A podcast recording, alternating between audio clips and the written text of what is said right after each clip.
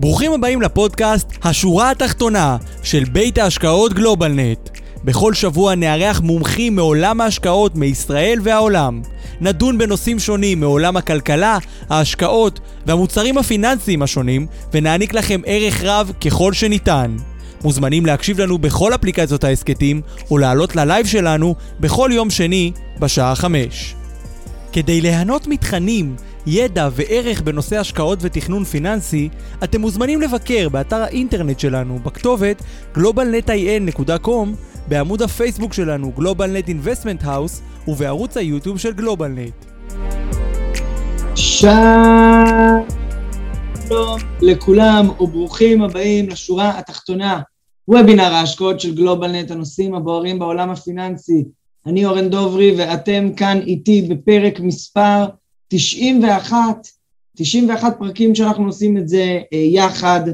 אה, ובואו נתחיל בפרק, אז זה הולך להיות לנו פרק מאוד מאוד מעניין היום, לאור ירידות אה, מטורפות, לא מטורפות אולי, נראה אם אנחנו פשוט מדברים על תיקון קל או התחלה של מגמה מטה אה, בשווקים, עליות יוצאות דופן של כמות הנדבקים בישראל, הגענו לכבר אני חושב 84 אלף נדבקים ביום, ואם כבר אנחנו מדברים על נתונים יוצאי דופן, אז אנחנו נדבר על נדל"ן בישראל, אה, והאם יש אלטרנטיבה אליו.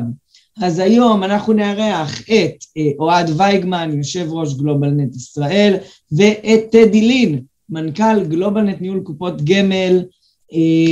אז מגיעים היום כדי לדבר על האם יש היום אלטרנטיבה לנדל"ן בישראל, לנדל"ן מניב. אה, אז זה הנושא שלנו להיום, כיף גדול שאתם פה איתנו לפרק הזה ואני מקווה שכולם מרגישים טוב, בריאים, גם מי שנדבק, סטטיסטית בערך אה, עשרה אחוז מהצופים שלנו אמורים להיות כרגע עם קורונה או אומי, אומניקרון, אז אה, קודם כל רק בריאות לכולם. אז רגע לפני שנתחיל, חשוב לי לציין ולומר שהוובינר שלנו הוא לא תחליף לייעוץ או שיווק פנסיוני או שיווק השקעות או ייעוץ מס או המלצה בנוגע לכדאיות השקעה במוצר פנסיוני או פיננסי כזה או אחר ואין לראות בוובינר פודקאסט שלנו הזמנה או הצעה לביצוע פעולה אה, במוצר כזה או אחר. המידע המוצג הוא לידיעה ואינו מהווה תחליף לייעוץ המתחשב בנתונים ובצרכים של כל אחד ואחד מכם בשביל זה אנחנו כן מזמינים אתכם לפנות לאיש מקצוע מתכנן פיננסי ולהתייעץ בנוגע אה, לנתונים האישיים שלכם ולקבל ייעוץ טוב ואיכותי. אתם מוזמנים גם לפנות אלינו בשביל זה. אה, כיף שאתם אה, כאן איתנו היום. רגע לפני שאני אה, אתחיל עם הפרק היום, אני רוצה לספר לכם על מה יש לנו בהמשך. אז שבוע הבא אנחנו נארח כאן את דוקטור בועז ברק משוויץ על מבני השקעות בשוויץ, אה, שעד לא מזמן רק הלקוחות הכשירים, הגופים המוסדיים היו משקיעים בהם, איזה מבני השקעה זמינים היום למשקיעים אה, מסחריים, אה, בפרק שאנחנו קוראים לו השקעות של מיליונרים. חודש הבא, בפברואר, אנחנו נדבר על, בשביעי לפברואר על איך להרוויח כמו הבנק במימון משכנתאות, איך להשקיע במימון משכנתאות, קרנות למימון משכנתאות, אה, בעצם זה אפיק הרווח המרכזי של הבנקים, אז איך אנחנו יכולים להשקיע כמו הבנקים. ב-14 לפברואר אנחנו נדבר על האם יש בועה בשוק ההייטק. לא יודע, ראיתי שנטפליקס ירדה 21% ביום שישי, אה, וגם כן טסלה מאבדת גובה בצורה אה, במהירות מאוד משמעותית, אז אולי איחרנו עם זה, היינו מקדימים את זה, אבל לנו נושאים יותר מעניינים. ואנחנו נדבר על זה כאן ב-14 לפברואר, האם יש בועה בשוק ההייטק. אה, מעניין לראות איפה אנחנו נהיה בעוד שבועיים, כשאנחנו רואים אה, את מה שקורה בשוק בימים האחר, האחר, האחרונים. ב-21 לפברואר אנחנו נדבר על למה קופת גמל בניהול אישי היא המוצר הפיננסי הצומח ביותר בישראל.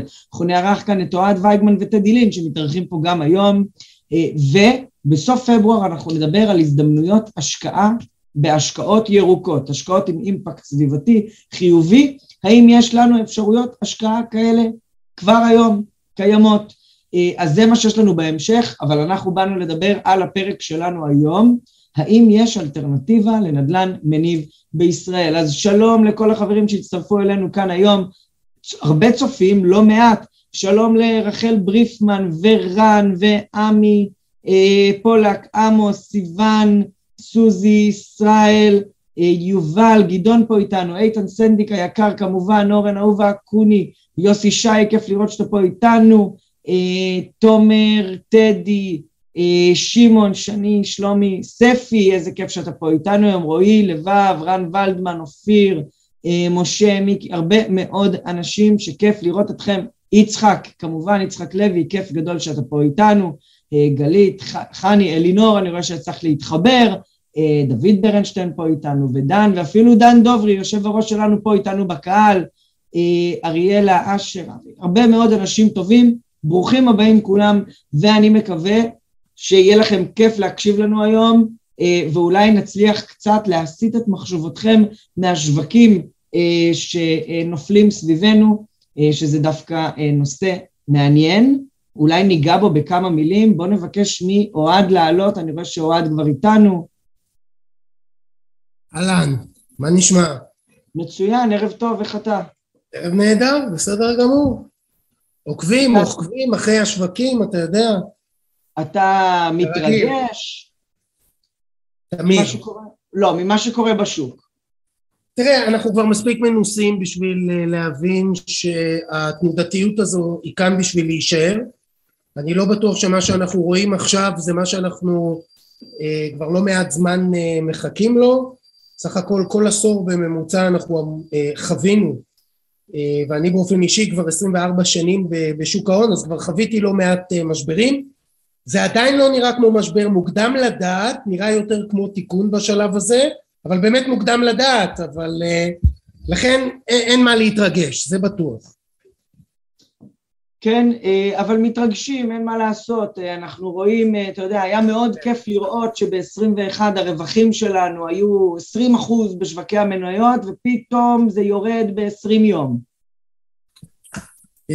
כן, תשמע, מי שמנוסה בדברים זה לא דבר חדש עבורו, אנחנו ראינו את זה באמת הרבה מאוד פעמים בעבר וגם בסבב הנוכחי.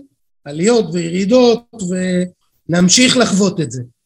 צריך עצבים של ברזל בשביל להשקיע בשוק ההון, זה בטוח. כן, או לנשום עמוק ולא להסתכל כל פעם ש-ynet וגלובס וכל העיתונים הגדולים בדיוק. שמים לנו בדיוק. דובים והמסכים אדומים בעיניים. טדי, ערב טוב גם לך, מה העניינים? היי, מה העניינים? תודה שאתם מארחים אותי שוב. תודה, תודה רבה. טדי, אתה איש ה-IRA שלנו, קופות גמל, אני יודע שלא בדיוק תדבר על זה היום, אבל קופות גמל ופנסיות, ואתה רגיל בעצם לנהל סכומים מאוד מאוד גדולים של כספי, חיב... כספי ציבור. איך אתה רואה, אני מצטער שאני פותח בנושא הזה, כי אתה יודע, כל יום צריך לדבר על מה שקורה פה כאן ועכשיו. איך אתה רואה את התנודות האלה? ברור שגם על זה אנחנו נדבר, כי זה נראה חם מדי. הנה, התקדמתי, התקדמתי, כן. אבל אין ספק, אין ספק ש... ראינו משברים, כן? אנחנו תמיד מתרגשים ותמיד נראה לנו שמתחיל להיות אה, משהו מאוד מאוד גדול. אה, יצא לי לחוות משברים בשלבים שונים, גם במשרד האוצר, משבר ב-2008-2009, אה, משבר קשה ועוד כמה בדרך אה, כמנכ"ל של מיטב דש.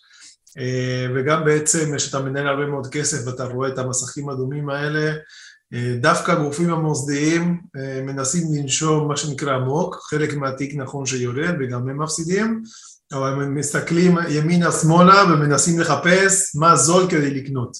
עכשיו, לא תמיד חייבים לעשות את זה וצריכים לבחור מה העיתוי הנכון לעשות את זה, אבל צריכים לזכור שיש עליות ואחרי תקופות ארוכות של עליות יש מימושים, וזה רגיל שזה קורה, לפעמים קורה בתחילת שנה, לפעמים קורה לקראת סוף שנה, ומי שמספיק ותיק בשוק הזה יודע שצריך תמיד תמיד להיות פשוט עקבי עם, ה, עם, מה ש, עם מה שהוא משקיע, עם מה שהוא מאמין, וכן, נכון אמר אוהד, צריך כאילו את הרבה מאוד סבלנות ו, ו, ולסבול ככה את העצבים ולדעת לנשום עמוק.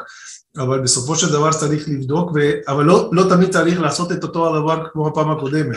צריך להבין בעצם, אוקיי, יש ירידות, אני רוצה לקנות, אני רוצה אולי לראות הזדמנויות, אבל איפה הזדמנות?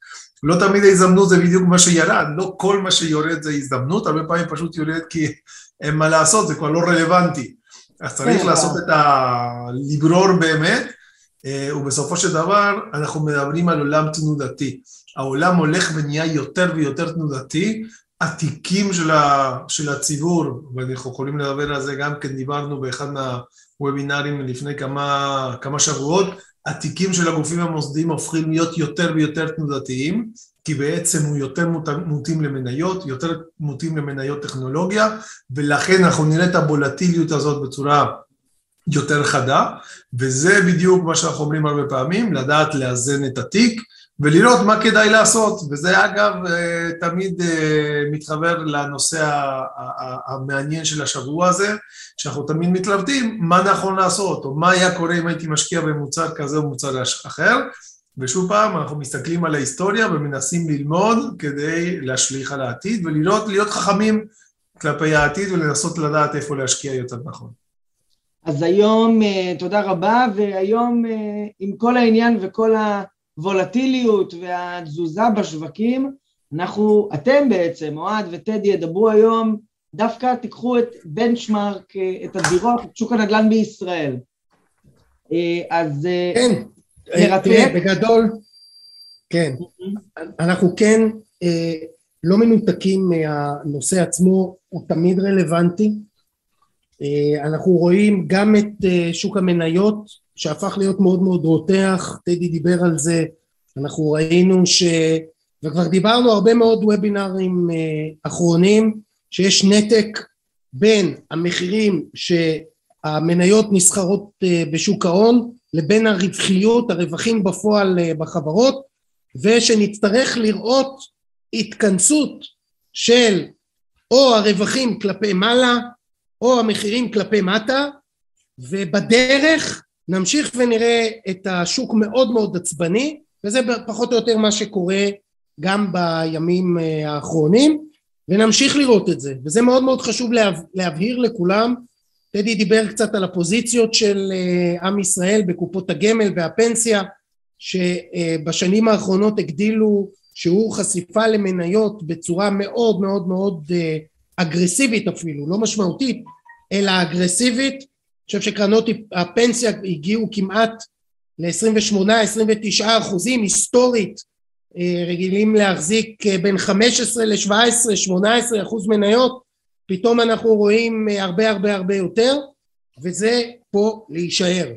השאלה היא איך אנחנו, אתם, הצופים שלנו היום, המאזינים שלנו, כי אנחנו גם בפודקאסט, מגיבים לתנודתיות הזו שאנחנו מדברים עליה עד היום כפי שאתם גם רואים במסך זה אה, אחת מהכתבות שגלובס פרסם איזושהי בדיקה בעשורים האחרונים של מדדי המניות מול אה, לרכוש דירה בישראל. והם מראים הרבה מאוד נתונים מאוד מעניינים. על זה דיברנו.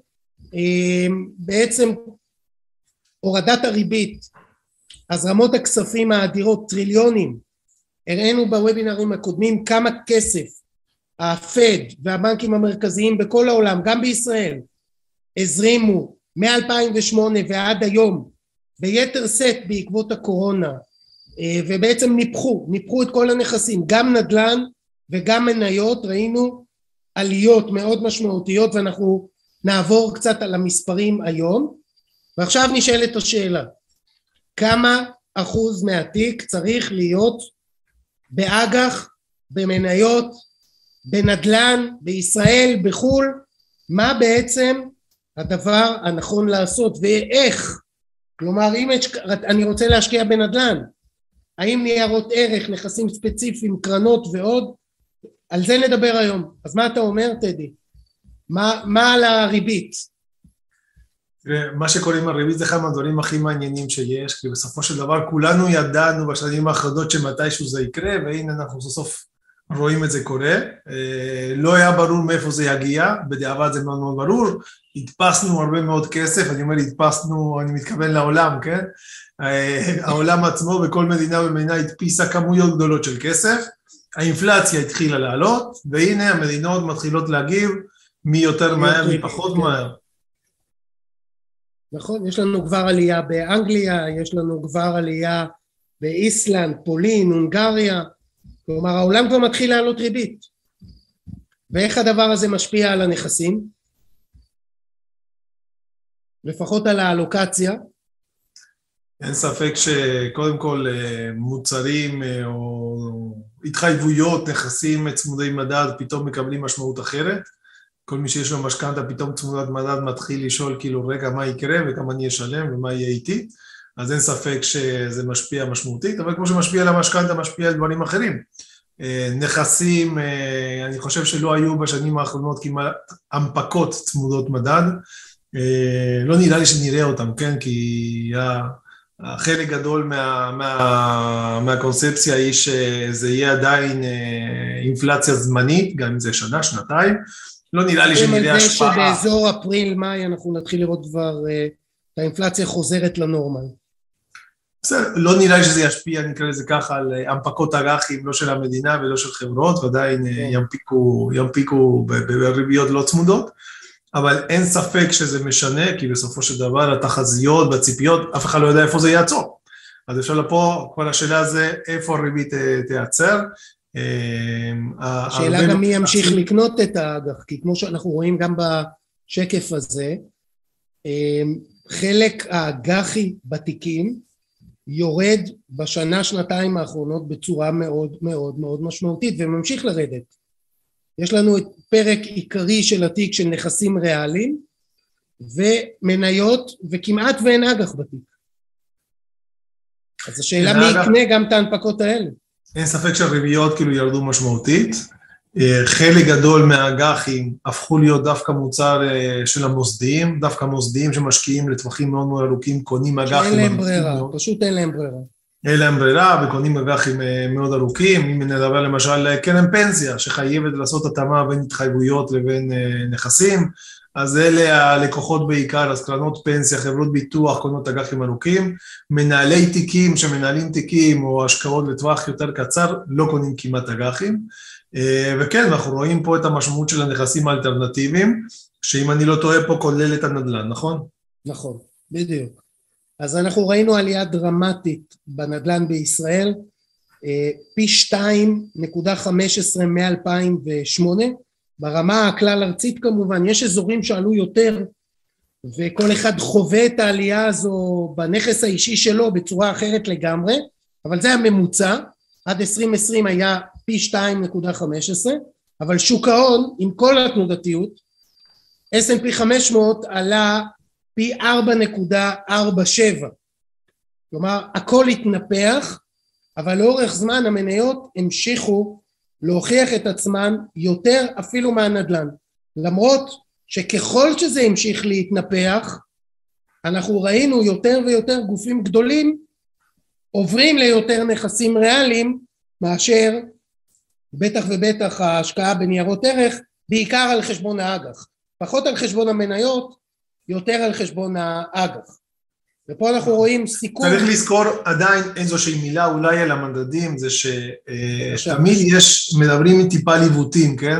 כשמדברים על ה-S&P 500 אנחנו יודעים שיש מניות, למרות שזה 500 מניות, יש את המניות הטכנולוגיה הגדולות שמשכו מאוד משמעותית את המדד קדימה, נכון. דיבר אה, בהקדמה על טסלה ועל אפל ועל אה, פייסבוק, וזה מניות שקצת מעוותות, כמו שאנחנו תמיד יכולים להגיד, ומקודם דיברנו, על מחירי הדיור, האם אה, תל אביב לא מעוותת קצת את התמונה, ועדיין אני חושב ש-S&P 500, עכשיו זה מדד, אי אפשר, אי אפשר, מה שנקרא, אי אפשר להתווכח, עובדות זה עובדות. מה שאנחנו רואים, רואים גם את תל אביב 125, אז רואים אבל, שזה לא אבל משנה איזה מדד אתה להבדיל, באמת אבל להבדיל, תל אביב 125, למרות שעדיין יש מניות מאוד גדולות, הטכנולוגיה לא משכה בצורה כזו דרסטית את המדד כמו S&P 500 שהוא יותר טכנולוגי. נכון, ועדיין רואים את כל המדדים, אה, כל מדדי המניות אה, מנצחים את אה, מדד הנדל"ן לאורך זמן. חשוב, חשוב להגיד... חשוב כן, להגיד. כן, ש- שכאן מדד, האג, מדד הנדל"ן לא כולל בעצם שכירות, כן? במניות אנחנו בכלל מחזיקים לטווח ארוך ואין תשלום, בחלקם יש תשלומי דיבידנד, אבל לא ברובם, אז כל, ה, כל הטבלה בעצם, הטבלאות האלה בעצם מנוטרלות משכירות או דיבידנדים שמשולמים על ידי הנכסי ריט. נכון. עכשיו אני, מה שאנחנו מציגים פה זה מחקר של בנק ישראל בדיוק בהקשר הזה ש, אה, שאתה מדבר, הוא לוקח בחשבון גם את, ה, את ההכנסה הריאלית נטו על ההשקעה לעשר שנים, אז במניות 6.06 ובהשקעה בנדל"ן 4.87 למרות שאנחנו תמיד אה, מסתכלים על הדירה שלנו ונוטים לחשוב שהנה עלה הרבה הרבה יותר הדירה שלי ובממוצע וכשאנחנו משקיעים אנחנו בדרך כלל משקיעים על משהו שהוא בממוצע אם כן אני קונה דירה אחת או שתיים או שלוש ואז יש לי את הסיכון, ה, הסיכון הספציפי. אז אין ספק שלהשקיע בנדל"ן בישראל היה בשנים האחרונות אחלה השקעה בארץ, אוקיי? אי אפשר, אי, אי אפשר להגיד שלא, אבל תמיד אנחנו מסתכלים קדימה, אנחנו אומרים, רגע, האם זה עדיין? האם זה מה שאנחנו ממשיכים לעשות? נכון, עוד יתרון של נדל"ן על שוק ההון בהקשר הזה זה הנושא של המינוף. מכיוון שיש פה נכס ויש פה רמת סיכון ותנודתיות שהיא הרבה הרבה יותר נמוכה מאשר שוק ההון, אז הרבה יותר קל להשיג מינוף מהבנק לרכישה של דירה מאשר מינוף להשקעה בגובה זהה או אפילו דומה במניות. ואני גם מאלה שחושבים שלא נכון לקחת את המינוף שלוקחים על דירה ולמנף את ההחזקה במניות למרות שלאורך זמן ההשקעה במניות אנחנו מדברים על תקופות מאוד מאוד ארוכות תמיד הניבה או כמעט תמיד הניבה יותר מכל אפיק אחר. עדיין הנושא של פיזור ההשקעה בתיק הכולל מה שאנחנו קוראים ל-asset allocation ההשקעה כפי שראינו גם מקודם גם ב-JP מורגן גם ב-family offices אחרים במנהלי השקעות גדולים אחרים הפיזור הוא מאוד מאוד מאוד חשוב. פה אנחנו רואים שקף על התנודתיות של האג"ח ביחס לתנודתיות של מניות כי התחלנו לדבר על נכסים שמניבים הכנסה קבועה לאורך זמן אז לאורך שנים דיברו על האג"ח כמשהו שממתן את התנודתיות בשוק בדיוק מה שאנחנו רואים שנכסים ריאליים עושים בשנים האחרונות. הנה אתם רואים את התנודתיות בשוק המניות והנדל"ן בכלל נכסים אלטרנטיביים נותנים איזושהי הכנסה יחסית יציבה לאורך זמן זה האג"ח לא עושה האג"ח כבר הרבה מאוד שנים. רואים מ-2008 מייצר תנודתיות כמעט זהה לתנודתיות של מניות רק שאם מסתכלים עכשיו על האפקטיביות או הכדאיות של ההשקעה באג"ח ביחס לנכסים ריאליים כמו נדל"ן אנחנו רואים שהתשואה באג"ח היא מאוד מאוד מאוד מאוד נמוכה רחוקה מאוד מהתשואה ארוכת הטווח בנדל"ן שהתקבלה באופן יציב ולאורך זמן. נכון. משהו קטן, תוך כדי שאני שומע אותך, רואה שאלה שכפ... איזושהי שאלה שנשלחה בצ'אט, רוב הנתונים כאן הם ללא מיסוי, כן? המיסוי הוא אישי, אז בדרך כלל הנתונים שמוצגים בכל הנתונים האלה הם לא ברמת באמת הפרט בכיס שלו, אלא שזה נתונים כלליים בעצם על, על מה קרה בשוק, זה לא יורד לרמת המיסוי. אז נכון, אנחנו יודעים שעל שוק ההון, על שוק ההון יש לנו בדרך כלל מיסוי של 25 אחוז, יש לנו לא מעט מכשירים שמאפשרים לנו להפחית או בכלל לא לשלם מס רווחי הון וזה עניין דרמטי מהותי כמו נושא של קופות הגמל, מה שנדבר עוד שבועיים על ה-IRA וכן הלאה, אחד מהכלים הטובים ביותר, הנכונים ביותר, החזקים ביותר לחסוך במס, בעיקר בנושא של מס רווחי הון, וגם נדל"ן, תכף נדבר על היכולת לחסוך במס בהשקעה בנדל"ן, גם זה קיים. אם אני קונה דירה מעבר לדירה הראשונה, יש לי מס. אז גם, גם תכף נדבר על איך אפשר לחסוך במס הזה, אבל אין ספק שבישראל, כפי שאתה אמרת, היו עליות משמעותיות והייתה השקעה מעולה למי שהשקיע בישראל בדירות. הקצב, למרות שפה אנחנו רואים 9.2 אחוז, הקצב מתחילת 2020 כבר חצה את העשרה אחוז, יותר קרוב לבין 11 ו-12 אחוז, וזה באמת עליות שלא ראינו הרבה מאוד זמן. אנחנו רואים גם את המשכנתאות שוברים שיאים כל חודש, בעצם רואים עלייה ושיא חדש בנושא של המשכנתאות, וזה צפוי, צפוי להימשך. אני אדלג על הנושא של נכסים מסחריים, כן חשוב לי מאוד מאוד לומר, אפרופו המינוף שדיברנו עליו, יש הרבה מאוד משקיעים, אולי גם צופים ומאזינים שלנו פה, שיש להם נכסים, דירות, למגורים או להשקעה, שהם לא ממונפים. אז בהקשר הזה חשוב לזכור שהבנקים עדיין מאפשרים אה, על ידי שיעבוד של עד 50% מהנכס לקבל הלוואה לטובת מימון של השקעות נוספות גם בנדל"ן, גם בשוק ההון, אבל שוק ההון היום תנודתי אז מאוד קשה לעשות, אני פחות אוהב אה, מינוף על שוק ההון, אבל אם זה לנדל"ן, למרות שבנק ישראל אסר להשקיע, נכון. כן. בבקשה. סליחה, מקשה מאוד, מקשה מאוד עם ההוראות כדי לנסות נכון. ולקרר את השוק, נכון. עדיין אפשר להשקיע בנדל"ן ולא בדירה פיזית כמו שבנק ישראל לא מאפשר uh, לעשות. אנחנו קוראים לתהליך הזה לחלץ את הכסף uh, מהקירות וזה מאוד מאוד נכון וכדאי לעשות. אבל אנחנו מדברים מאוד, uh, uh, הרבה מאוד על ישראל ו...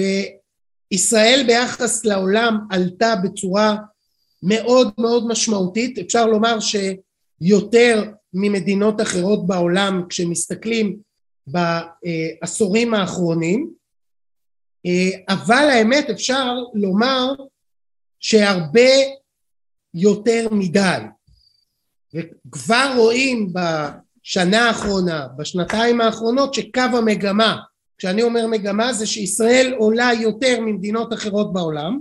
פה אנחנו רואים אה, מחקר של בנק ישראל ממש פרסם לאחרונה של מדינת ישראל ביחס לממוצע OECD במונחים ריאליים, כן?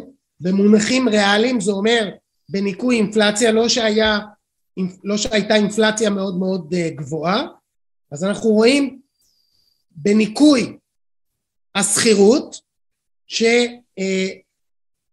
הדירות בישראל עלה ריאלית 2.7 אחוז והממוצע OECD 1.9 אחוז אבל כשמסתכלים על מחקרים נוספים ביחס לגודל הדירות מה שנקרא פר גודל הדירה אנחנו דווקא רואים שישראל במקומות הראשונים בעולם שוב ביחס למטר רבוע. זה אומר שהדירות בישראל נעשו יותר ויותר קטנות, אבל המחיר שלהם ביחס למטר רבוע עלה באחוזים הגבוהים ביותר בעולם. הגבוהים ביותר בעולם. עכשיו נשאלת השאלה האם המגמה הזו יכולה להימשך לאורך זמן, מה אתה חושב טדי? בוא נגיד שאין ספק שיש מספרים ש... קשה, קשה, קשה להגיד שהם יכולים לחזור על עצמם, אה, בטח במספרים האלה. אה, תראה, אני חושב שיש פה גם כן הגיאוגרפיה מאוד מאוד משפיעה. אה, יש הבדל מאוד משמעותי בין ערים גדולות, בסופו של דבר ששם המחירים עולים משמעותית, לבין, לבין אזורים אחרים, אין ספק שבתל לא, אביב... לא בכל העולם, אם מנתחים את זה, דווקא באנגליה ראינו שהערים הגדולות ירדו או עלו הרבה הרבה הרבה הרבה פחות מהפריפריה, אבל בישראל זה לא המצב. תראה, תמיד זה, השאלה זה כאילו, אתה יודע איפה, מה קרה לפני שנתיים, שלוש, בארבע, יכול להיות שבשנה מסוימת הייתה קפיצה מטורפת, אנחנו יודעים פשוט מה קרה כאן. אה, לעומת אה, לונדון, שאני לא יודע, נראה לי ששם, מאז הברקסיט, אה, שוב פעם, אחרי עלייה מאוד מאוד משמעותית שהייתה, דווקא בברקסיט טיפה זה התמתן. אין ספק שזה מספרים מאוד חריגים. תכף נראה עוד נתונים קצת כמובן. והנתונים לפעמים אה, מבלבלים, לפעמים אה, מראים כשלא היה כזה חריג, ונתונים שמסתכלים אחרת הם היו מאוד חריגים. אני חושב שלפעמים יש עם שקל, השקל גם כן מתחזק מאוד, אז אם מנטרלים את השקל, אפשר, יכול להיות שרואים תמונה כאילו טיפה יותר מתונה מאשר אם רואים את, ה, את העלייה השקלית לעומת העלייה במטרות. המחקר, המחקר של בנק ישראל צריך לראות הוא מ-1970. בשנים האחרונות אז אה, ישראל תפסה פער הרבה הרבה הרבה יותר גבוה ממדינות אה, אחרות, למעט אולי אפשר לומר בשנה האחרונה, כי כבר רואים איזשהו שינוי מגמה בין ישראל לבין המדינות האחרות בעולם, אז זה כבר מ-2020. שימו לב איך מדינות כמו ארצות הברית וגרמניה, אלה המדינות, אלה הכלכלות החזקות בעולם, צרפת, אה, וכמעט ישראל פה היא איפשהו פה באמצע, פה באמצע, אז אחרי הרבה מאוד שנים שישראל הייתה גם בגלל הנושא של השקל החזק, כמו שאמרת טדי, גם בגלל uh, המדינה הקטנה, גדרה חדרה, כל הנושא של היצע, ראינו את ישראל תפסה פער, שוב, ב, ביחס לגודל הדירה, תפסה פער, ואנחנו רואים שכבר השנה, שנתיים האחרונות, זה כבר לא נראה אותו דבר. אנחנו רואים את אוסטרליה ב-18 אחוז, טורקיה עם 32 אחוז לידינו, ארצות הברית עם כמעט 22 אחוז עלייה, אנגליה עם 11 אה, אה, אחוז עלייה, כך שישראל כבר לא חריגה כמו שהיא הייתה בעבר, ואתה דיברת, התחלת לדבר על אנגליה והברקסיט, אז uh, הרבה מאוד חששו לגבי אנגליה, אולי המאזינים שלנו uh, חלק עדיין לא יודעים, אבל לנו יש הרבה מאוד פעילות לגלובלנט, יש הרבה מאוד פעילות באנגליה, ואנחנו עוקבים מאוד מאוד צמוד ובדריכות על מה שקורה שם, יש לנו אפילו משרדים באנגליה, כך שאנחנו מאוד מאוד קרובים לשטח, ובניגוד לחלק מאוד משמעותי אה, של התחזיות בעולם, הברקזיט לא באמת הפיל את מחירי הנדל"ן באנגליה, אה, ודווקא תוכניות ממשלתיות במגזרים ספציפיים תרמו מאוד מאוד מאוד לעליות אה, ובהחלט אה, אנחנו רואים שינוי מהותי בשוק אה, הבריטי, רואים את העלייה המאוד מאוד משמעותית, אז בממוצע, כפי שאמרתי, מעל עשרה אחוזים, וזה משתנה, כמו שאתם יודעים, בריטניה זה אנגליה, סקוטלנד, אירלנד, אז אנחנו רואים בכל אזור, סקוטלנד לדוגמה, 11 אחוז, וויילס 12 אחוז, אז זה מאוד מאוד דומה ועדיין יש אה, שינויים, אז אנחנו רואים למרות הברקסיט ולמרות כל מה שראינו עלייה מאוד משמעותית, אבל הסיפור הוא דווקא החודשים האחרונים. קו המגמה הוא מאוד מאוד מאוד חד כלפי מעלה. אנחנו רואים הרבה מאוד אזורים, אתם רואים אותם באדום הבוהק, שעלו מעל אחד וחצי אחוזים, או אם אתם רואים את הבורדו, מעל שתי אחוז בחודש אחד, בחודש אחד. אנחנו מדברים על אה, אה, בין אוקטובר לנובמבר, נתוני דצמבר עדיין לא התפרסמו, אנחנו נקבל את נתוני דצמבר בתחילת פברואר, אבל קו המגמה באנגליה הוא מאוד מאוד מאוד חזק, אה, ובהחלט, כפי שגם אמרתי, יש לנו כמה, כמה שיטות להשקיע בנדל"ן. אתה רוצה קצת להרחיב, טדי? אני חושב שמה שאנחנו רואים באנגליה זה מאוד מעניין, כי עדיין, למרות כנראה ברקסיט או לא, הכלכלה היא מאוד מאוד חזקה. אנחנו מסתכלים על אירופה, ויש כמה מדינות אולי יותר קטנות שהן, נקרא לזה, הן לא, לא במצב רע, אבל אין כמו גרמניה ואנגליה כנראה, כאילו זה עדיין שתי המעצמות. נחזור, נחזור ה... לפה שיהיה לך קל, הנה, בבקשה. אז, אז, אז אין ספק שכאילו גרמניה, אנחנו גם רואים אותה למעלה, באופן עקבי, הנה שם עוד אחד, וגם... אה, ממש בעצם, צמוד לארצות הברית. כן, וגם אנגליה בעצם, כאילו מדינות מאוד חזקות שבאופן עקבי, כמה, כמה דרגות, דרגות למטה, אתה רואה אותו כמה מדרגות למטה, אנחנו רואים אותם שעדיין הגידול הוא מאוד משמעותי, ולאורך זמן, כן? כאילו סתם אם אני אסתכל פה על קרואטיה, יכול להיות שקרואטיה, לא יודע, שנה פתאום אה, קופצת כאן, או צ'ך רפבליק או משהו כזה. פחות, פחות מעניין אותנו. אבל זה לא מעניין בדיוק מבחינת הגודל, כי אנחנו מדברים על מדינות גדולות, על המעצמות של אירופה, שעדיין מחזיקות ועושות את זה, ואנחנו רואים שהרבה מאוד כסף זורם, בטח דווקא ישראלים אה, השקיעו הרבה מאוד בגרמניה, ואנחנו יודעים ששם אה, זורם הרבה מאוד כסף, ודווקא אנחנו שומעים שלפחות מהצד של המוסדיים, מתחילים קצת לצאת מגרמניה בגלל שכבר אין עסקאות, שכבר הרכישות זה בקאפים.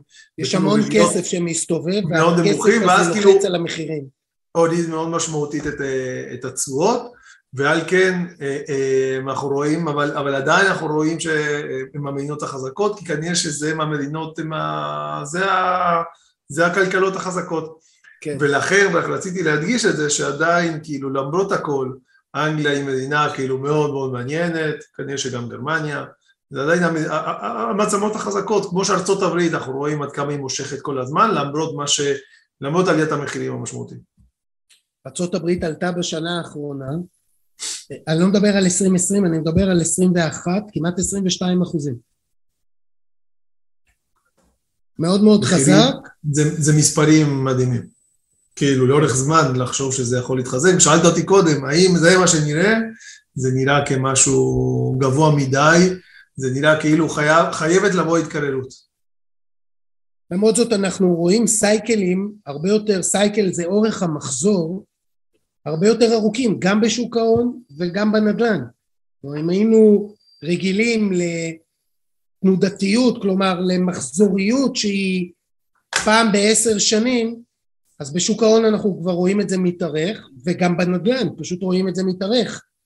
כך שאנחנו יכולים לראות עוד כמה שנים המשך מגמה גם בעולם הזה של הנדל"ן. אנחנו מדברים כרגע על נדל"ן למגורים כמובן. הנתונים האלה הם נדל"ן למגורים. עכשיו בואו נחזור, דדי, בנושא הזה של צורות ההשקעה, איך אפשר להשקיע, אני אה, השקעתי לא מעט בישראל, יש לי כבר לא מעט, אני מבין שישראל באמת עלתה הרבה יותר, שהתשואה השוטפת במדינות אחרות כבר אה, הרבה יותר משמעותית במדינות אחרות, מה האפשרויות שלי? איך אני עושה את זה? אז בעצם אנחנו נדל"ן זה אחד מה, אני חושב, מההשקעות הכי מבוקשות, כן? אז הרבה מאוד אה, מוצרים ומכשירים אה, התפתחו, ויש כמה דברים שהם הדברים הקלאסיים, כן? אנחנו לא רואים פה את כל האפשרויות הענפות שיש. אבל אין ספק שמצד אחד יש את האפשרות לבוא ולרכוש את הנדל"ן באופן פיזי, מה שנקרא, אני כפרט... זה מה שהישראלים מאוד מאוד אוהבים לעשות. נכון, אני כבא כפרט משלם את זה, בא וקונה נכס. יש כמה חסרונות, קודם כל זה שאני שם את רוב הביצים במקום אחד, או בשתיים או שלוש, אם יש לי יכולת אה, לקנות כמה, אה, כמה נכסים. העלויות רכישה הן מאוד יקרות, כאילו כל, כל העלויות וכל ה... אה, אה, ההוצאות המשפטיות, אפילו המס, דירה שנייה או שלישית, אז אה, הן עלויות גבוהות. מצד שני, יש את הטעם של ה"אני בחרתי", כן? זה כאילו מאוד מאוד מאוד אישי. זה יותר אישי, זה יותר קרוב. זה הנכס שקניתי וזה הנכס ששמתי עליו, את, כמו שאמרתי, את הביצים במקום אחד, אבל זה הביצים שאני בחרתי איפה לשים אותם. אז, אז זה נקרא לזה יתרון בחיסרון. בנושא של... של עוד שאלה לגבי נדל"ן פיזי. בוא נדבר קצת על הנושא של הפיזור. כי אתה אומר קונים דירה, שתיים או שלוש, אתה הרבה שנים בתחום ההשקעות. מה זה עושה כשמשקיעים סכומים מאוד מאוד גדולים בפיזור שאנחנו מדברים עליו? תראה, בסופו של דבר אני חושב שזה שיעור ניהול סיכונים אה, או כלכלה על ההתחלה. פיזור סיכונים זה בסופו של דבר מגן, זה ביטוח. אה, ככל שאנחנו מצליחים לפזר יותר את הסיכונים, אז אנחנו בעצם אה, חשופים פחות לאיזשהו אירוע נקודתי. השאלה עד אה, כמה הדבר הזה כל כך חשוב בתחום הנדל"ן. כי זה, ברור זה שישראלים לא מייחסים לזה חשיבות. זה קריטי בסופו של דבר, כי אתה יודע, כולנו שמענו על המקרים של הפרויקט הזה שנתקע, והקבוצת רכישה הזאת שלא הצליחה, אה, או איזושהי בעיה מסוימת אה, בבניין, באזור, בשכונה או, או במדינה.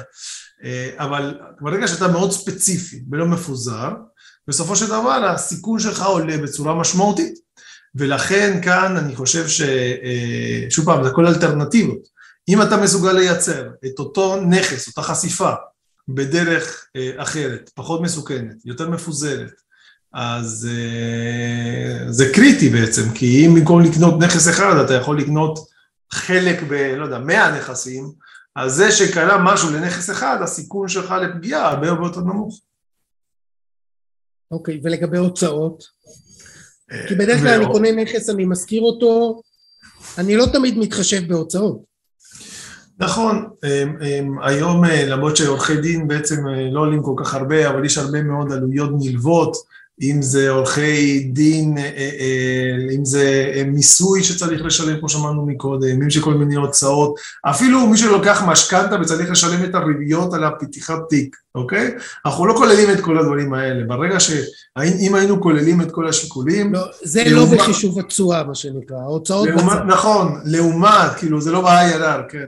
לעומת האופציות האחרות, אני חושב שזה מאוד מאוד יקר. דוגמה מצוינת זה שוב פעם, הנקודה, בוא נגיד ככה, הנקודה השלישית דווקא יותר דומה לנקודה השנייה, אם אנחנו נלך לפי ה... לפי רמת הפיזור. רכישת נדל"ן בקבוצות אתה מתכוון. רכישת נדל"ן בקבוצות, כי כן, אז באת לצורך העניין, הרבה פעמים אתה, אתה מצליח אולי בהשקעה או יותר נמוכה, או שאתה קצת אה, חוכמת המונים, נקרא לזה ככה, אתה מגיע בקבוצה, עדיין רכשת נכס ספציפי, אבל איכשהו רכשת את זה עם עוד, לא יודע, 20 או 30 משקיעים. אה, אבל אני חושב שהנקודה השנייה זה הקונטרה מצד אחד, רכישה של חברות נדל"ן בשוק ההון. מה זה אומר רכישה של חברות נדל"ן? זה בעצם קודם כל עצם העובדה שאתה יכול לקנות חברה ספציפית, ואז עדיין נחשפת ל... לא יודע, שמות, אה, כן, אנחנו מכירים אותם, יכול להיות אזורים, יכול להיות אה, אה, דורי, או יכול להיות, לא יודע, איזשהו אחד מהחברות בנייה הגדולות. יכול להיות ריטים, יכול להיות גם ריטים. גם ריטים. או יכול להיות מגור, מגור, מגורית או ריט אחר, נכון? ואז בעצם השקעתי את אותו סכום של כסף, בעלויות א' הרבה יותר נמוכות, ונכסים בעצם, ב, ב, לא יודע, אולי במאה או באלף נכסים. בצד שני, ושוב פעם אנחנו תמיד אה, מנסים לתת את היתרונות בחיסונות, ברגע שאנחנו קונים מניה או אג"ח בשוק הנדל"ן, כמו שדיברנו מקודם, יש לנו הרבה יותר תנודתיות, כן? שם בעצם הקנייה או מכירה כאילו חשופה לכולם, ואז אם קורה איזשהו לא בשוק, אנחנו בעצם, שוב פעם, אז לטווח קצר, ואני מדגיש לטווח קצר, יכול להיות הרבה מאוד וולטיליות. אם אנחנו היינו מסתכלים על חברת נדל"ן לעשר שנים קדימה, כמו שהיינו מסתכלים על דירה או על נדל"ן, אז אני חושב שאנחנו צריכים להיות טיפה יותר אדישים, והרבה יותר נראה לי באמת אה, ריט שהוא פטור ממס ויש לו הטבות מס ויש לו ניהול מומחה, הרבה יותר נכון לנהל אותו. שוב פעם, כמו שאמרת, הרבה פעמים גם כן צריכים לבוא בחשבון שיש חלוקת דיבידנדים. אם אנחנו רוצים לייצר תחלופה, אפשר לקנות מניה או חברה שמחלקת דיבידנד, ואז העלינו מצד אחד את הפיזור, אנחנו מקבלים דיבידנד שזה תחליף לשכירות, הורדנו מאוד את, ה, את, ה, את העלויות, אבל פה יש... הגדלת פיזור בצורה משמעותית. של הוולטיליות. סליחה? הפיזור פה הוא, הוא הרבה הרבה הרבה... הפיזור משמעותי, עלויות משמעותיות, פחות, אבל העלינו את הוולטיליות, כמו שאמרנו, שיכול להיות שלרגע או לתקופה מסוימת, בגלל מה שקורה בשוק, יעלה או ירד משמעותית. יש לנו פה שאלה של אה, דוד, האם דירת המגורים נחשבת לצורך חישוב הפיזור? אותו פיזור טדי שדיברת עליו ועל החשיבות שלו. בוא נגיד ככה, כשאנחנו מסתכלים על כל התיק של הלקוח, ברור שהנכס נדל"ן דווקא אחד מהנכסים הכי חשובים. רוב האנשים נראה שצומחים משם. כשאנחנו מסתכלים על הדירת מגורים, זה חלק מהנדל"ן, אנחנו מסתכלים מהם הנכסים שיניבו לנו, אה, אה, שמניבים לנו בעצם איזושהי, נקרא לזה פנסיה, או עובדים בשבילנו בעתיד. אנחנו רואים שגם הנכס מגורים שבו אנחנו גרים, למה? כי זה אופציה. אני תמיד יכול לצורך העניין לגור אה, בבית יותר גדול, יותר קטן, ולעשות עם ההפרשים לצורך העניין אה, השקעה אחרת, או שאני יכול בעצם להיות, לחיות בשכירות, או, או זה, זה, זה, זה התחליפים. מה שאמרנו מקודם, למנף את הדירה. הרבה אנשים הגיעו לגיל 60 ומעלה, ויש להם דירה למגורים שהיא לא ממונפת, אפשר לעשות אקטיביזציה אנחנו קוראים לזה, למנף את הדירה ולקחת ולהשקיע את הכסף בקרנות השקעה בנדל"ן, בשותפויות מוגבלות, בקבוצות, בכל מה שנרצה, אבל להוציא את הכסף מהקירות, אנחנו קוראים לזה, לכן דירה למגורים היא חלק משמעותי בתיק הנכסים. זה לגבי דוד. אין ספק. אוקיי. לגבי נושא של, אה, התייחסת לקבוצות, יש לנו בשנים האחרונות הרבה מאוד שותפויות מוגבלות שקמות ומאפשרות לנו לרכוש בקבוצה אה, נדל"ן.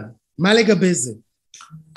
זה בעצם כן איזשהו מגדיל את הפיזור לעומת הרכישה הפיזית הספציפית, וזה פחות מרכישה, אני חושב, של חברות נדל"ן בשוק ההון. היתרון זה בעצם שכן יכולים להיחשף, אבל בדרך כלל גם כן עושים אותו לפרויקט ספציפי, או לאיזשהו מקבץ אולי של דיור. אה, בדרך כלל... מקבץ יכול להיות גם 100, 200, 300 דירות. נכון. איכשהו הבעיה אולי בשותפויות מוגבלות, ושוב פעם יש הרבה מאוד אה, מוצרים, זה להבדיל למשל משוק ההון, זה של פחות מפוקח, אוקיי? כאילו זה השקעה שבעצם היא פחות מפוקחת, היא לא ברמה של איזושהי אה, קרן או חברה מפוקחת או איזשהו גוף, בעצם ש... כלומר אין לך תשקיף, אין לך נאמן או אפוטרופוס, אין לך מישהו שישמור על הכסף והמנהל בעצם יכול לעשות כמעט מה שהוא רוצה. נכון, ולכן זה המקום שדווקא חברות אה, גדולות או עם ניסיון או מה שנקרא היכרות אישית הרבה פעמים, הרבה פעמים עוזרת, אבל שוב פעם צריך לבדוק את המקרה הספציפי, כן? כאילו שותפויות מוגבלות זה משהו מאוד מאוד... כי יש המון כאלה, באמת, יש המון המון המון כאלה שמציעים לציבור להשקיע... ויש המון ב... המון כאלה שאנחנו שומעים שיש בהם הרבה מאוד בעיות, גם כן ברמה של אה, אנשים שקנו למשל בחו"ל נכסים, ואחרי שנים אה, גילו שאף אחד לא דיווח על ההכנסות שלהם, לא שמה ולא פה, ולא ממקום שרצו להעלים, רצו שהיה צריך לדווח ולא ידעו, כי באו וקנו נכס בגרמניה, שמעתי למשל, אבל אה, בעצם אה, לא סגרו לו מההתחלה ועד הסוף את ה... מה שנקרא את הפינה. יש גם עניין של מיסוי, חלק מהמדינות של... יש מס ירושה. אז בוא נגיד ככה, זה, זה נשמע טוב הרבה פעמים, בגלל שעלויות בדרך כלל הן נמוכות, התשואות גבוהות, כי זה נעשה בצורה קצת יותר, אה, נראה לזה, נגיד לזה פשטנית ופחות מקצועית, אז בסופו של דבר המעטפת היא מאוד מאוד חשובה הרבה מאוד פעמים. שזה בעצם החשיבות של האפשרות האחרונה, רכישה של יחידות השתתפות בקרנות שרוכשות נדל"ן. איך הדבר הזה פותר את כל מה שאמרת? שוב פעם, צריך להבין קודם כל שאנחנו מדברים על קרנות אה, עם טרק רקורד אה, שמאוגדות ומפוקחות כמו שצריך, אבל בעצם קרנות נותנות איזושהי, איזושהי מעטפת קצת יותר טובה, אה, חלקם למשל, אני, אורן אמר בהתחלה, איש ה-IRA, אז אה, ב-IRA מושקעות, אה, יש הרבה מאוד השקעות, בקרנות נדל"ן בחו"ל, ואנחנו רואים שם שיש רמת פיקוח יותר גבוהה, יש בדיקות, יש איזושהי רגולציה קצת יותר גבוהות, יש טרק רקורד, יש חוות דעת משפטיות שהקרנות עושות מה שהן אמורות לעשות, שוב פעם, אי אפשר לדעת מה יהיו הביצועים של אף אחד מהאופציות, כן? אבל המעטפת הזאת של קרן, בחלק גדול מהמקרים נותן איזושהי מעטפת יותר טובה, צריך לראות גם כן... יש לזה גם עלות, לא? בסוף נכון, יש לי מעטפת... משלמים, ו... משלמים עבור הרגולציה הזאת במעטפת הזאת, אבל נותן לנו דרגות ביטחון יותר גבוהות.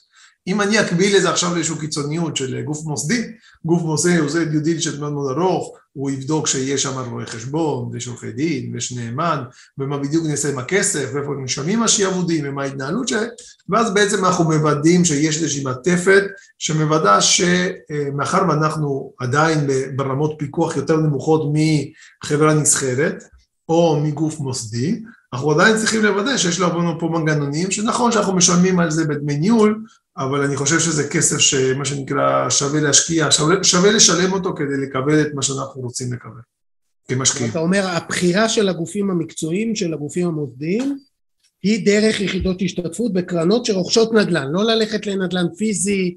לא, יש גם כן, שוב פעם, יש גם כן נדל"ן פיזי, מוסדים גם כן רוכשים נדל"ן פיזי, אבל במספרים מאוד מאוד גבוהים, ושוב פעם, להם יש תיקים גדולים, כן, להם, לצורך העניין, יכול להיות היום 2-3 אה, אחוז מהתיקים של הגופים המוסדיים הם בנדל"ן אה, פיזי ספציפי. אבל אנחנו מדברים על אה, דירות להשכרה, על בניינים להשכרה, אנחנו מדברים על נדל"ן, על, על, על קומפלקסים גדולים, אנחנו מדברים בחו"ל על נכסים. מסחרי יש שם. על, כן, כן, אנחנו מדברים גם בארץ וגם בחו"ל, אנחנו מדברים על מספרים מאוד מאוד גדולים, אז נכון שזה פיזי, אבל אנחנו מדברים על סדרי גודל מאוד גדולים. כן. אוקיי, יפה. אז מה? מה... איפה כדאי להתמקד? איפה המיקוד מבין כל העולם הזה של אה, הנדל"ן? כי דיברנו הרבה על נדל"ן, אמרנו שבישראל אה, באמת המחירים עלו הרבה יותר ממקומות אחרים בעולם, וכן נכון וצריך לצאת אה, לחו"ל.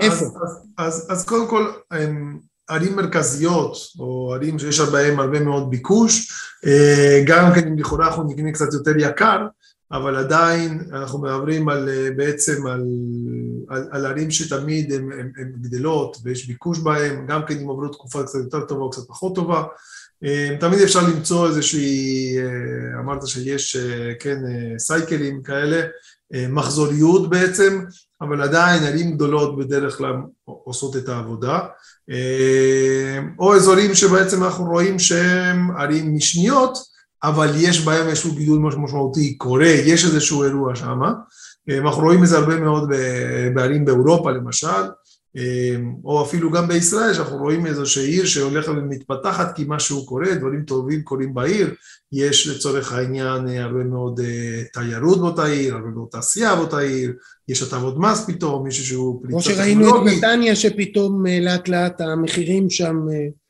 אוטוטו הופכים להיות כמו תל אביב.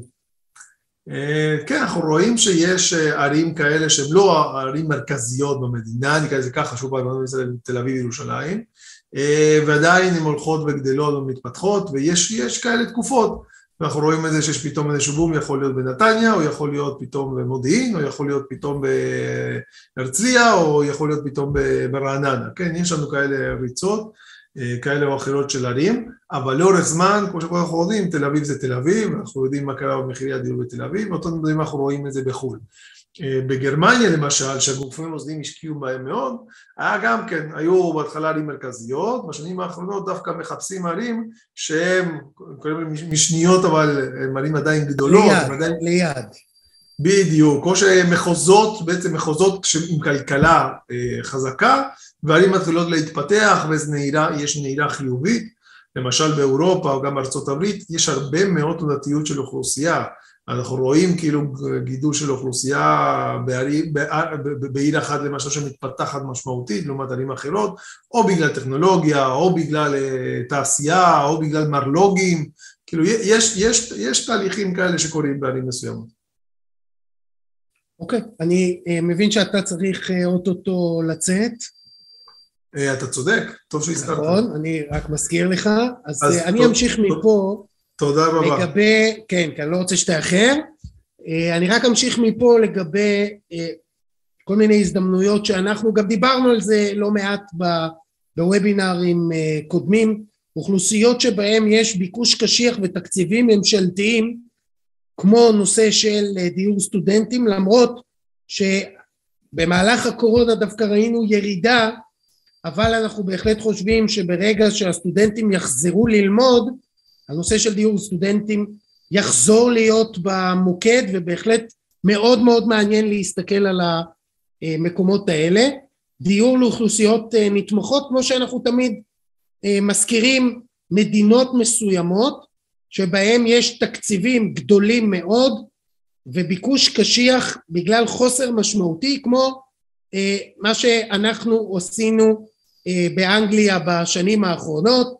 אז זו כתבה שפורסמה אה, ממש אה, לפני אה, שבועיים על פעילות של גלובלנט באנגליה יחד עם החברה הבריטית פונדמנטום שפועלת כבר הרבה מאוד שנים בתחום של דיור נתמך, דיור לאוכלוסיות כמו אוטיסטים, נכים, לקויות למידה וכבר הגענו להרבה מאוד קרנות, כמעט שלושים קרנות שנפתחו בשנים האחרונות והקרנות הללו השקיעו ברכישה של מעל שישים בניינים בהיקף של סך הכל שש מאות מיליון אה, שקל בבריטניה ובהחלט האסטרטגיה הזו צומחת ותופסת תאוצה מאוד מאוד מאוד משמעותית כי בעצם מה אנחנו אומרים?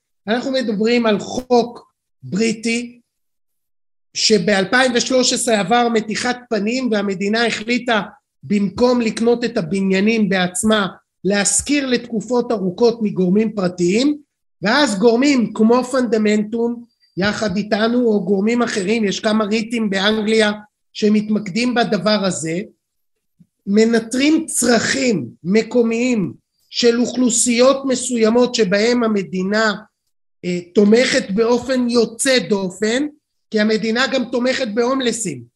אבל המטרה היא לנטר אוכלוסיות שהתמיכה בהם היא בביקושים הרבה הרבה יותר גבוהים מדיור אה, בר השגה או כל מיני דברים מהסוג הזה. ממש דיור סוציאלי שהמדינה מממנת מאה אחוז מהוצאות המגורים. זה לא סיוע זה מאה אחוז מהעלות. אה, אז כמו שאמרתי אוטיסטים בעיות נפשיות בעיות אה, אה, אה, פיזיות כאלה ואחרות שבהם המדינה תומכת באופן מלא והמשמעות של התמיכה הזו זה ביקוש שהוא הרבה מעבר להיצע שמתאפשר באנגליה. יש כרגע רשימה של 1.16 מיליון בתי אב ברשימת המתנה. תבינו איזה מספרים המדינה אה, אין לה את האפשרות לתמוך בהם. ולכן קרנות מהסוג הזה שאנחנו מדברים מייצרות למשקיעים הזדמנות להשקיע במכשיר שממומן בעצם כמעט באופן או באופן מלא על ידי המדינה אם זה באופן ישיר על ידי המדינה ואם זה על ידי עמותות שמקבלות את התקציבים מהמדינה ואז נפתחות הרבה מאוד קרנות כאלה שמטרתם לייצר הכנסה קבועה לאורך זמן לא רוכשים את הבניינים הגדולים. רוכשים בתים בניינים קטנים בשווי של מיליון וחצי שתי מיליון pound בממוצע ומשכירים למדינה לתקופה של חמש עשרה ועשרים שנה אז אה, הנתונים האלה לא מדויקים אבל בפריסה מאוד מאוד גדולה. מעל שלושים קרנות רכשו במשותף למרות שכל קרן רוכשת נכסים ספציפיים משלה מעל שישים בניינים בשלוש עשרה עמותות מול שלוש עשרה עמותות ברחבי אנגליה. ממוצע החוזה הוא תשע עשרה שנים והנה דוגמה לנכס שכרגע נמצא בתהליך סופי של בדיקות על ידי אחת מהקרנות שמציעות למשקיעים בעולם, לא רק בישראל, גם בעולם, אבל גם בישראל, את האפשרות להשקיע במרכז כזה, אז אנחנו רואים פה ליד הים אה, מקום שנקרא סאטן און דה סי, ככה זה נראה מכל הזוויות, יש פה בעצם, אם אתם יכולים לראות, מתחם גדול של עשרים וארבעה חדרים או דירות אפשר לומר, עשרים וארבע דירות, שהמתחם כולו נרכש על ידי קרן אחת או על ידי כמה קרנות בחלקים קטנים בפיזור. דרך אגב קרן לא קונה רק מתחם כזה. זו דוגמה קרן רוכשת כמה מתחמים כאלה וכמה קרנות רוכשות במשותף כמה כאלה כדי לייצר את אותו פיזור. באותו מקום שנקרא סאטן לודג' יהיו אנשים עם בעיות נפשיות 24 דירות שמושכרות באופן מלא למדינה והמדינה דואגת לכל האכלוס. זה אומר שהקרן לא מתעסקת באכלוס של אותם דיירים לא בתחלופה שלהם. המדינה נותנת לגורם אחד עמותה לתקופה של עשרים שנה. העמותה יכולה להחליף דיירים. בעצם את הקרן לא ממש מעניין כמה בפועל דיירים מאכלסים את המקום בכל רגע נתון. יש פה מקסימום 24 וזה באמת נכס אמיתי שכרגע כנראה עד סוף החודש יירכש על ידי כמה קרנות מהסוג הזה וזה רק בשביל שתקבלו תחושה איך, ה, איך הדבר הזה נראה. אם יש שאלות אני רק אסתכל שנייה על השאלות לגבי נכון. פרטים כמובן לא, אין לנו זמן, נגמר הזמן שלנו, נכון, אז לא נכון, נוכל נכון. כמובן אה, אה, להמשיך בפרטים, אבל באופן אישי נוכל לענות על אה, כל השאלות הספציפיות. וזה כן, כל... זה גם פתוח למי שהוא לא משקיע כשיר, במגבלות של חוק ניירות ערך, כמובן, דרך בעל מקצוע עם רישיון שיווק השקעות, הכל בהתאם למה שהחוק בישראל מחייב אותנו. אחת מהשאלות שעלו פה, האם אפשר גם דרך IRA? הנה שלומי גם כמובן דרך IRA אפשר לרכוש גם, אה, זה אומר של מי שיש קופות גמל שאפשר להעביר אותם לקופה בניהול אישי ולהשקיע בדירות ממש כאלה פיזי. מהסוג הזה דרך קרנות מפוקחות עם תשקיף ונאמן ומנגנוני האבטחה שטדי דיבר עליהם. שלומי מדבר, שואל לגבי ההחזקה של המבנים, העירייה אחראית על ההחזקה של המבנים, האחריות היא למועצה האזורית. עד כדי שבהסכם שמדובר כל שנתיים שלוש העירייה צריכה לשפץ את המבנים מתקציבים מקומיים לא הקרן משפצת ולא באחריות הקרן. אה, אז קודם כל אה, המון תודה על ההרצאה היום אוהד. בשמחה. שיצא קצת יותר אה, מוקדם היה מאוד מאוד מעניין. תודה רבה, תמיד. הרבה עולמות השקעה שונים דיברנו עליהם ולבסוף ככה גם כן מי שלא הכיר דיברנו עוד על ההזדמנות עכשיו בדיור הנתמך בבריטניה מי שזה עניין אותו, הדיור הנתמך או בכלל עולמות ההשקעה שדיברנו עליהם. אני אגיד בינתיים שלום וערב טוב לכולם. ערב טוב אוהד. מוזמן להשאיר לנו בצ'אט ב-Q&A מספר טלפון, אימייל או לפנות אלינו 054-6111-601 או office at globalnetil.com או כמובן בעמוד הפייסבוק שלנו ולהיכנס ולצפות גם בכל ההקלטות, בוובינרים הקודמים, אה, בהרצאות הקודמות אה, מה יש לנו בהמשך החודש? בואו נראה. אין לי את זה פתוח, אז אני כבר אה, פותח את זה. יש לנו אה, כל יום שני בשעה שבע וובינר ב live, אה, אפשר לצפות גם כן בכל ההקלטות אה, דרך היוטיוב, דרך הפייסבוק ודרך אפליקציות ההסכתים. שבוע הבא ניפגש כאן עם דוקטור בועז ברק ונדבר על מבני השקעה שוויצרים, איזה אה, מבני השקעה שוויצרים היום זמינים לקהל הרחב, שעד לפני כמה שנים היו זמינים אה, למשקיעים המוסדיים בלבד.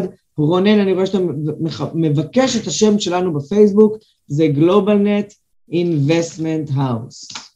גלובלנט אה, בית השקעות, לרוב אפשר למצוא אותנו עם חיפוש קל בגוגל, תכתוב גלובלנט ויקפוץ, או בפייסבוק, אה, אבל כתבתי לך בצ'אט. אה, בפברואר יש לנו ערימה של נושאים מעניינים, אנחנו נדבר על איך להשקיע, איך להרוויח כמו הבנק במימון משכנתאות, כמו שאנחנו יודעים משכנתאות זה אחד מאפיקי הרווח המרכזיים של הבנק, איך גם אנחנו יכולים להשקיע כמו הבנק. ב-14 לפברואר אנחנו נדבר על האם יש בועה בשוק ההייטק. אה, רמז, תפתחו את ה-ynet עכשיו, או אה, כל אה, אתר חדשות ותראו מה כותבים שם. ב-21 לפברואר אנחנו נדבר על למה קופת גמל בניהול אישי היא המוצר הפיננסי הצומח ביותר בישראל, ובסוף פברואר אנחנו נדבר כאן על הזדמנויות בהשקעות ירוקות. אז כל זה במהלך פברואר, תודה לכל מי שהשתתף איתנו היום, ושיהיה לכם המשך שבוע טוב ובריא, ונתראה בפרק הבא של. כאן מגיע לסיומו עוד פרק מלא ערך של הפודקאסט השורה התחתונה מאת בית ההשקעות גלובלנט. תודה רבה שהייתם איתנו והאזנתם לפרק. אתם מוזמנים לבקר אותנו באתר האינטרנט שלנו globalnetil.com, לעקוב אחרינו בעמוד הפייסבוק שלנו GlobalNet Investment House וללחוץ לייק כדי לעקוב אחרינו. כל הפרקים של השורה התחתונה זמינים בערוץ היוטיוב של גלובלנט. להתראות בפעם הבאה.